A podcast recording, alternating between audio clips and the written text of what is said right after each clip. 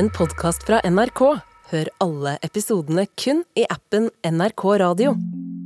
Så eh, helt fra jeg var barn, så har jeg liksom spurt folk ja, hvordan er det å ha en søster, eller hva føler du for søsteren din, eller er du venn med søsteren din, Også? og så svarer folk veldig forskjellig. Noen, spesielt de voksne, de, de har kanskje noen av dem er det verdens beste venn, altså nærmere enn mannen min, nærmere enn barna mine. Eh, Det viktigste mennesket i verden, er det noen som sier også. Og så er det andre som sier at jeg har ikke snakka med søsteren min på 40 år. eh, Og jeg hater søsteren min, er det noen som sier.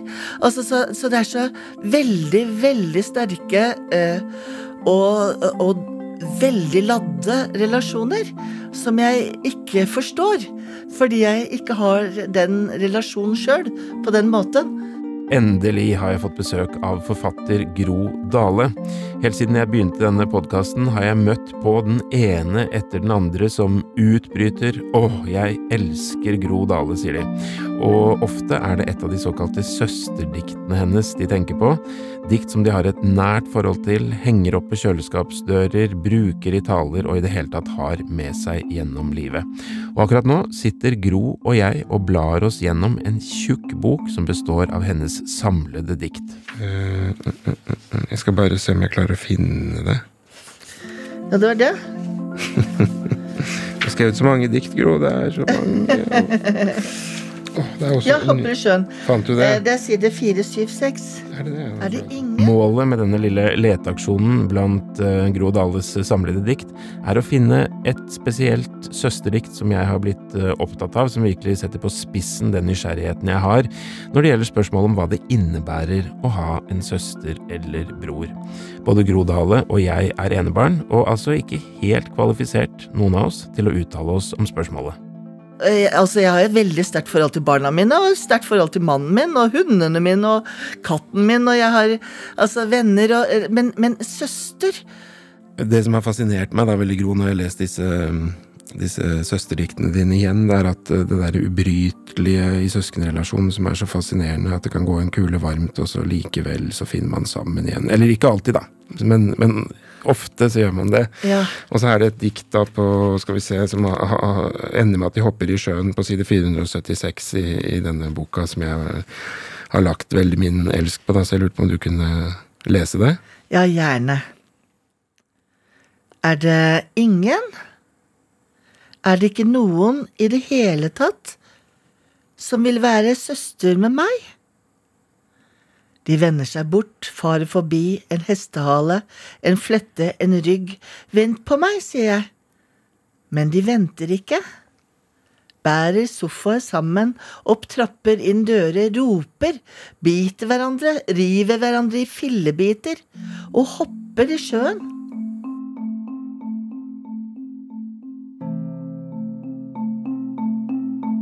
Men er du misunnelig på, på, på søsterforholdet? Nei, bare, bare, bare undrende. Og jeg har også sett Jeg har jo to døtre sjøl. Jeg har en sønn også, men jeg har disse to døtrene som er søstre. Og de kan sitte eh, helt klin inntil hverandre i sofaen og ta hverandre på puppene og ta hverandre på leppene og, og kjenne på kinnene til hverandre og ta på nesen til hverandre og inni munnen på hverandre. Og de, altså Så nært, over alle intimsfærer og, og grenser. Så nært. Og så kan de si ting til hverandre som kan være mm, ja, ja eh, vanskelig å fordøye. altså Hvis to venner hadde sagt det, så kanskje man ikke hadde klart å være venner etterpå. Og så er de venner igjen eh, eh, altså dagen etter, så er det over. At de har tilgitt hverandre, eller som om det ikke hadde skjedd. Og det er en dyp, dyp nærhet som jeg ser hos dem, som jeg eh, tenker at jeg er rikt for dem. Jeg er glad for dem, at de har den nærheten. Eh, og som jeg samtidig, den nærheten er jeg også litt glad for å slippe å ha sjøl. Hvorfor det, da? Det, går på at jeg har så mange Eller nå er jeg enebarn, og da har jeg mange jeg har ansvar for. Det er mannen min, og det er barna mine, og det er moren min, og det er faren min, og, og det, det er egentlig veldig mye å ha ansvar for, føler jeg. Og derfor, ja, det er veldig sikkert Altså, du med Du har vel også foreldre som Og, og det, det, det er ganske mye å bære på. Eh, av og til. Eh, I visse situasjoner. I forhold til sykdom, i forhold til tap, mangel, savn. Eh, ting som skal gjøres i husene. Slik at da, da, da eh, Hvis jeg skulle hatt en søster, hadde jeg hatt et ansvars Enda et ansvarsforhold, da. Ja, det skjønner jeg. Jeg har jo to sønner, jeg ja, òg, apropos det du sa. Så mm, har, altså jeg har jo sett veldig med fascinasjon på, som enebarn på, på, på hvordan et uh, søskenforhold utarter seg. Ja. For, for uh, brødre er også en form for søstre, hvis vi skal følge logikken i, i, i, diktene. Um, og det er ett og et halvt år mellom dem. Uh, og så vi hadde han første da, ett og et halvt år alene, og da så jeg liksom et enebarn eh, leve da i ett og et halvt år, men så på en måte dø i det øyeblikket han fikk en bror. Ja. Og en time eller noe sånn etter at han hadde skjønt at han hadde fått en lillebror, så fikk han høy feber. Oh. Og gjennom hele natta så lå han og, og, og gråt og hikstet. Og, og var liksom helt annerledes enn jeg var vant til. Ja. Så hva som er hva, vet jeg ikke, men det føltes som en sånn, et skikkelig overgangsrite. hvor så han, spennende. spennende. Og jeg ville tro at ett og et halvt år, da er det jo på en måte pseudotvillinger, Mm. som det heter. Mm. Da tenkte jeg, da er den kanskje liksom litt for liten til å, til å virkelig ta det innover seg, men tydeligvis ikke hos deg, da. Det var noe som skjedde Det var noe som skjedde. Mm. Spennende. Veldig. Er de gode venner? Veldig gode venner. Det er hyggelig, da. Går en kule varmt, selvfølgelig, men de er, eh, de er veldig sterkt allierte, de to der, da. Da får det være ditt prosjekt. Det er brødrene. Ikke sant?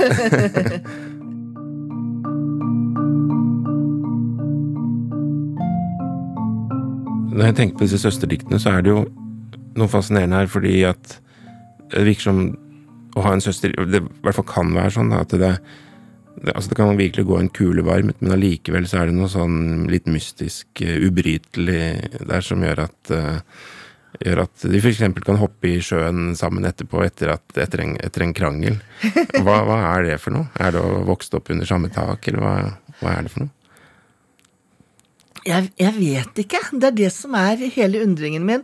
Og det er det som er så spennende, syns jeg, med dikt. da. At uh, det er noe som er taust i et dikt, uh, og mangetydig. Og hvor det ligger en undertekst som kan tolkes og, og undres over. Og jeg tenker at sånn er det med søsterskapet.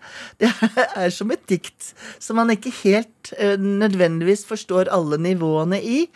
Og som sett utenifra så kan man hente inn assosiasjoner og tenke og, og fascineres av noe man ikke har helt svaret på, da. Jeg syns det er fint å ikke ha helt svaret på hva et søsterskap er. Det er ikke, det er ikke endimensjonalt, det er ikke banalt sånn sett. Eh, Det er mangetydig, og det er både fysisk, kroppslig Det har noe med sosiologien å gjøre i en familie. Altså storesøster, lillesøster. Det er noe med maktforhold, og det er noe med, med, med, med en fellesskap i forhold til de voksne i en familie som gjør at det er eh, veldig mangefasettert, og, og som ikke kan settes inn på ett svar, men mange svar som vi ikke kan overskue. Jeg husker et tidspunkt hvor jeg ble litt misunnelig allikevel. Altså, jeg husker en god venn av meg som har to brødre. Han sa at Altså, jeg er ikke typen til å gråte, sa han. Jeg begynner liksom ikke å bli ikke rørt av ting og sånn. Men når jeg tenker på brødre, altså ikke nødvendigvis sine egne, men folk som er brødre, da, da måtte han felle en tåre. Da ble han rørt og begynte å gråte. Så da kjente jeg ble litt misunnelig på det sterke der som jeg ikke vet ordentlig hva er for noe. Ja, det sterke der. Det sterke der. Og det er noe med å røre inn mot en kraft, en kraft som ligger i mennesket. Eh, Og mennesket er egentlig forunderlig. Det eksistensielle, det å være i verden, det å være Det å ha en identitet. Og da identiteten som en som er søster. eh, det- er noe som jeg aldri vil kunne forstå. Og bare se på med undring og, og fascinasjon, da. Mm. eh, og det er en kraft, det er en grunnleggende kraft som ligger i, i menneskelivet. og utenfor, eh, utenfor mm, muligheten for meg å, å nå fram til. Og, og det gjør at dette her blir interessant for meg.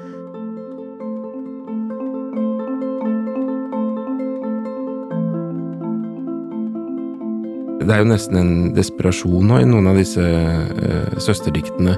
Uh, er villig til å betale for å, for, å, for å, få en søstervesten og kan rekruttere hva som helst, til og med en postkasse, uh, til søster.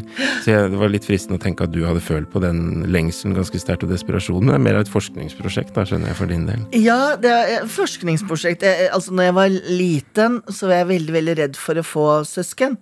Så ja. tenkte jeg, hva, hva, skjer hvis moren og faren min sier at nå skal vi få et et barn til, eller nå skal du få et søster eller en bror. Altså, hva, hva, skal jeg gjøre for noe da? Altså, da jeg jeg syns jo det var veldig uh, Jeg var veldig redd for det. Altså, for at jeg, jeg hadde det bra.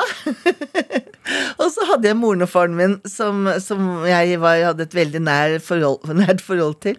Og så tenkte jeg at det ble forferdelig stri med en søster. Så slitsomt å skulle ha en til som jeg måtte forholde meg til. Såpass sterkt. Altså det der det negative, eh, det farlige i det. Eh, det, det både fascinerer meg og, og skremmer meg litt. Så egentlig har jeg sett på denne søsterboka eh, som en slags eh, poetisk forskning, da. I positive og negative sider. Men skremmer deg, sier du. Hvordan da? Ja, altså det, det negative, altså hatet. At man ikke At man gjennom et helt liv, 40 år, ikke sett en søster.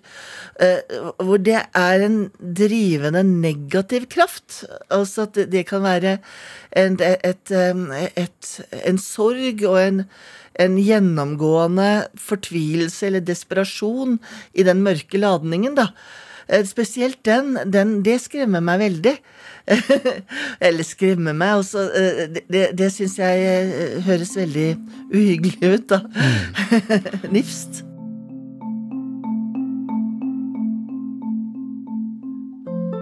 Jo, at når det er mange barn, så, eller flere barn, så tar de litt over styringa, kanskje. Og så, mens når man er enebarn, så er de voksne i overvekt og definerer kanskje mer, eller jeg vet ikke hvordan du opplever det. Det var definitivt slik i vår eh, familie. Mm. Det var de voksnes verden. Ja. Og jeg måtte bare gjøre så godt jeg kunne med å passe inn. Mm. og det handla ikke om å være flink, eh, det handla om å være best. Eh, på en eller annen måte. For jeg hadde ikke noen å konkurrere med. Jeg måtte bare, jeg måtte bare få det til på en eller annen måte, altså å være best i en sammenheng. Slik at det, det har nok betydd mye for meg. Eh, en, både selvtillit i forhold til at jeg var enebarn og ikke behøvde å konkurrere, men også det, det presset med at jeg eh, utmerker meg på en eller annen måte. Så du følte at du måtte det? Ja, det var et krav. På en eller annen måte. Eh, underliggende. Opplevd som et krav. Eh, om det Jeg tror kanskje det var krav òg, men, men, men, det var i hvert fall opplevd som et krav. Mm. Og på en måte er det en fordel eh, å få det presset. Eh, hvis man klarer å leve opp til det, er det en fordel å ha press på seg. Men hvis man ikke klarer å leve opp til det, så ville det nok blitt et stort problem. Og for meg var det en periode et stort problem når jeg var mellom ja, 19 og, og 25 når jeg ikke visste hva jeg skulle bli, og når jeg ikke fikk til ting, og når jeg strevde med å finne ut hvem i all verden hva jeg var, hva skulle jeg jobbe med, hva skulle jeg ja, hvordan skulle jeg finne ut eh, av livet mitt? hvordan skulle jeg få meg en jobb?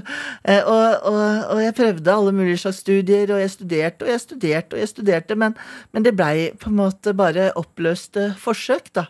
Det var ikke så lett å være enebarn da og skulle utmerke meg. Altså Hvis du skal sette ord på hvordan du har lyktes, da, hva, hva vil du si da? På en måte så har jeg funnet meg en plass, da. Det er jo det å lykkes for meg.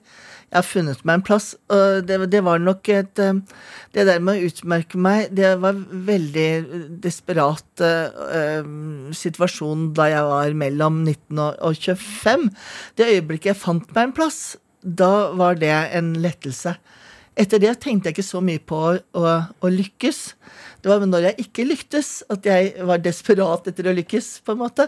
Jeg har lurt litt på sånn for min egen del, det er med enebarn når du vokser opp, og så er du per definisjon spesiell, da. Ja. Jeg lurer litt innimellom på om det forventningspresset handler om det at det er noe en legger på seg selv, et sånn ønske om å liksom få tilbake den der gode følelsen av å være, være litt spesiell, da. Når man blir mor eller far, så er man også spesiell. Eh, og, og, og jeg tenker den, den perioden, før, i hvert fall før jeg fikk barn, da, da var jeg nok litt lost. Hvor jeg eh, var ute av familiens um, fang. Før jeg fikk mitt eget nye fang, så, så var det en sånn lost følelse. Så, så jeg, jeg var fortapt, egentlig, da. Og strevde etter å finne noe å holde meg fast i. Men da, når fanget kom, familien kom, tilba, eller, da, da, var det tilbake igjen til, til å si, prøve å være ja, være, være, der som den samlende kraften, sånn som jeg var som barn. Tenker at det betydde en del for meg.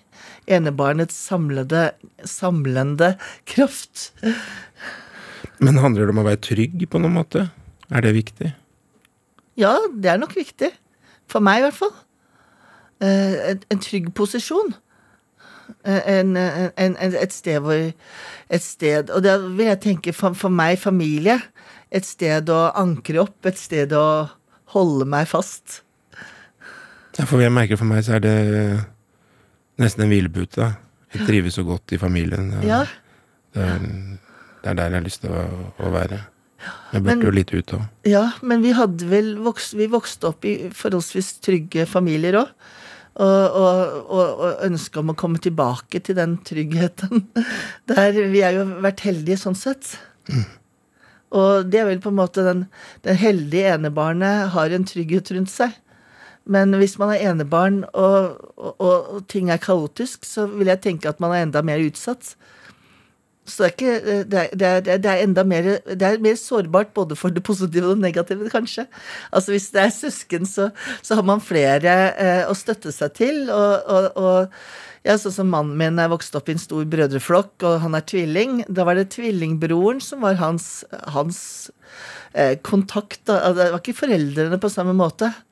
Eh, så det, det er en helt, helt annen oppvekst.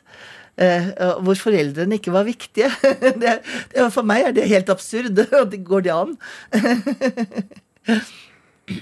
Men selv om det ikke har vært noen lengsel egentlig etter en søster i og for seg, da, har du støtt på noen på, du, på, din vei hvor du har tenkt sånn Å, det, du, du, du kunne vært søsteren min. Det hadde vært fint. Jeg, jeg, jeg var nok eh, når jeg, jeg, fra, når jeg ble voksen, så tenkte har jeg noen venninner? Eh, og så så jeg til min overraskelse at, at, jeg faktisk, eh, eller etter en stund hvor jeg følte meg veldig alene, at jeg egentlig hadde hatt venninner hele tiden. Og jeg tenker at det kan være litt sånn med søstre også.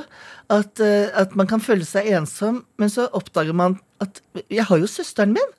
At, at er, og jeg, da, da, I den sammenhengen så tenker jeg også at, at venninne kan være den søsteren, da.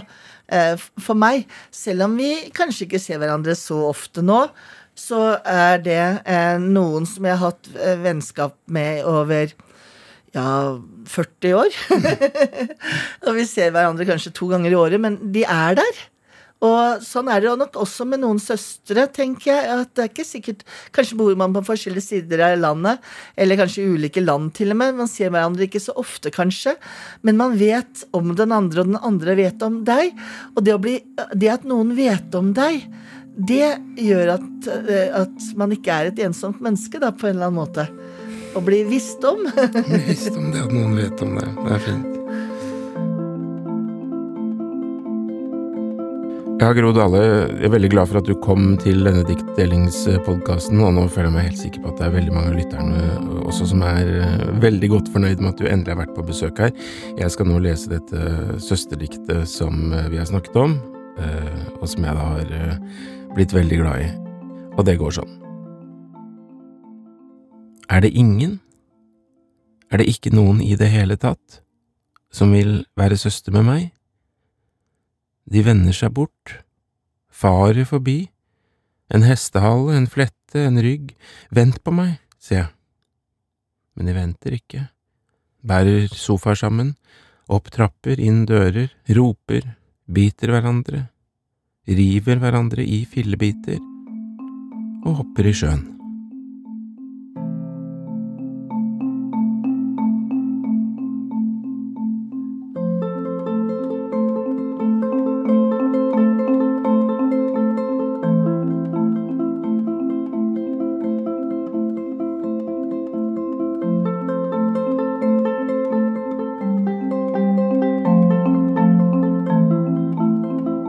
Du har hørt Gro Dale snakke om sine søsterdikt, og hvis du har en søster eller bror, eller skulle ønske at du hadde det, og i hvert fall har lyst til å forstå mer av denne litt mystiske relasjonen, så oppfordrer jeg deg til å dele episoden videre.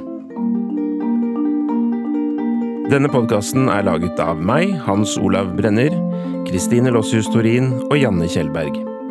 Redaksjonssjef Helle Vågland. Du har hørt en podkast fra NRK. Hør alle episodene kun i appen NRK Radio.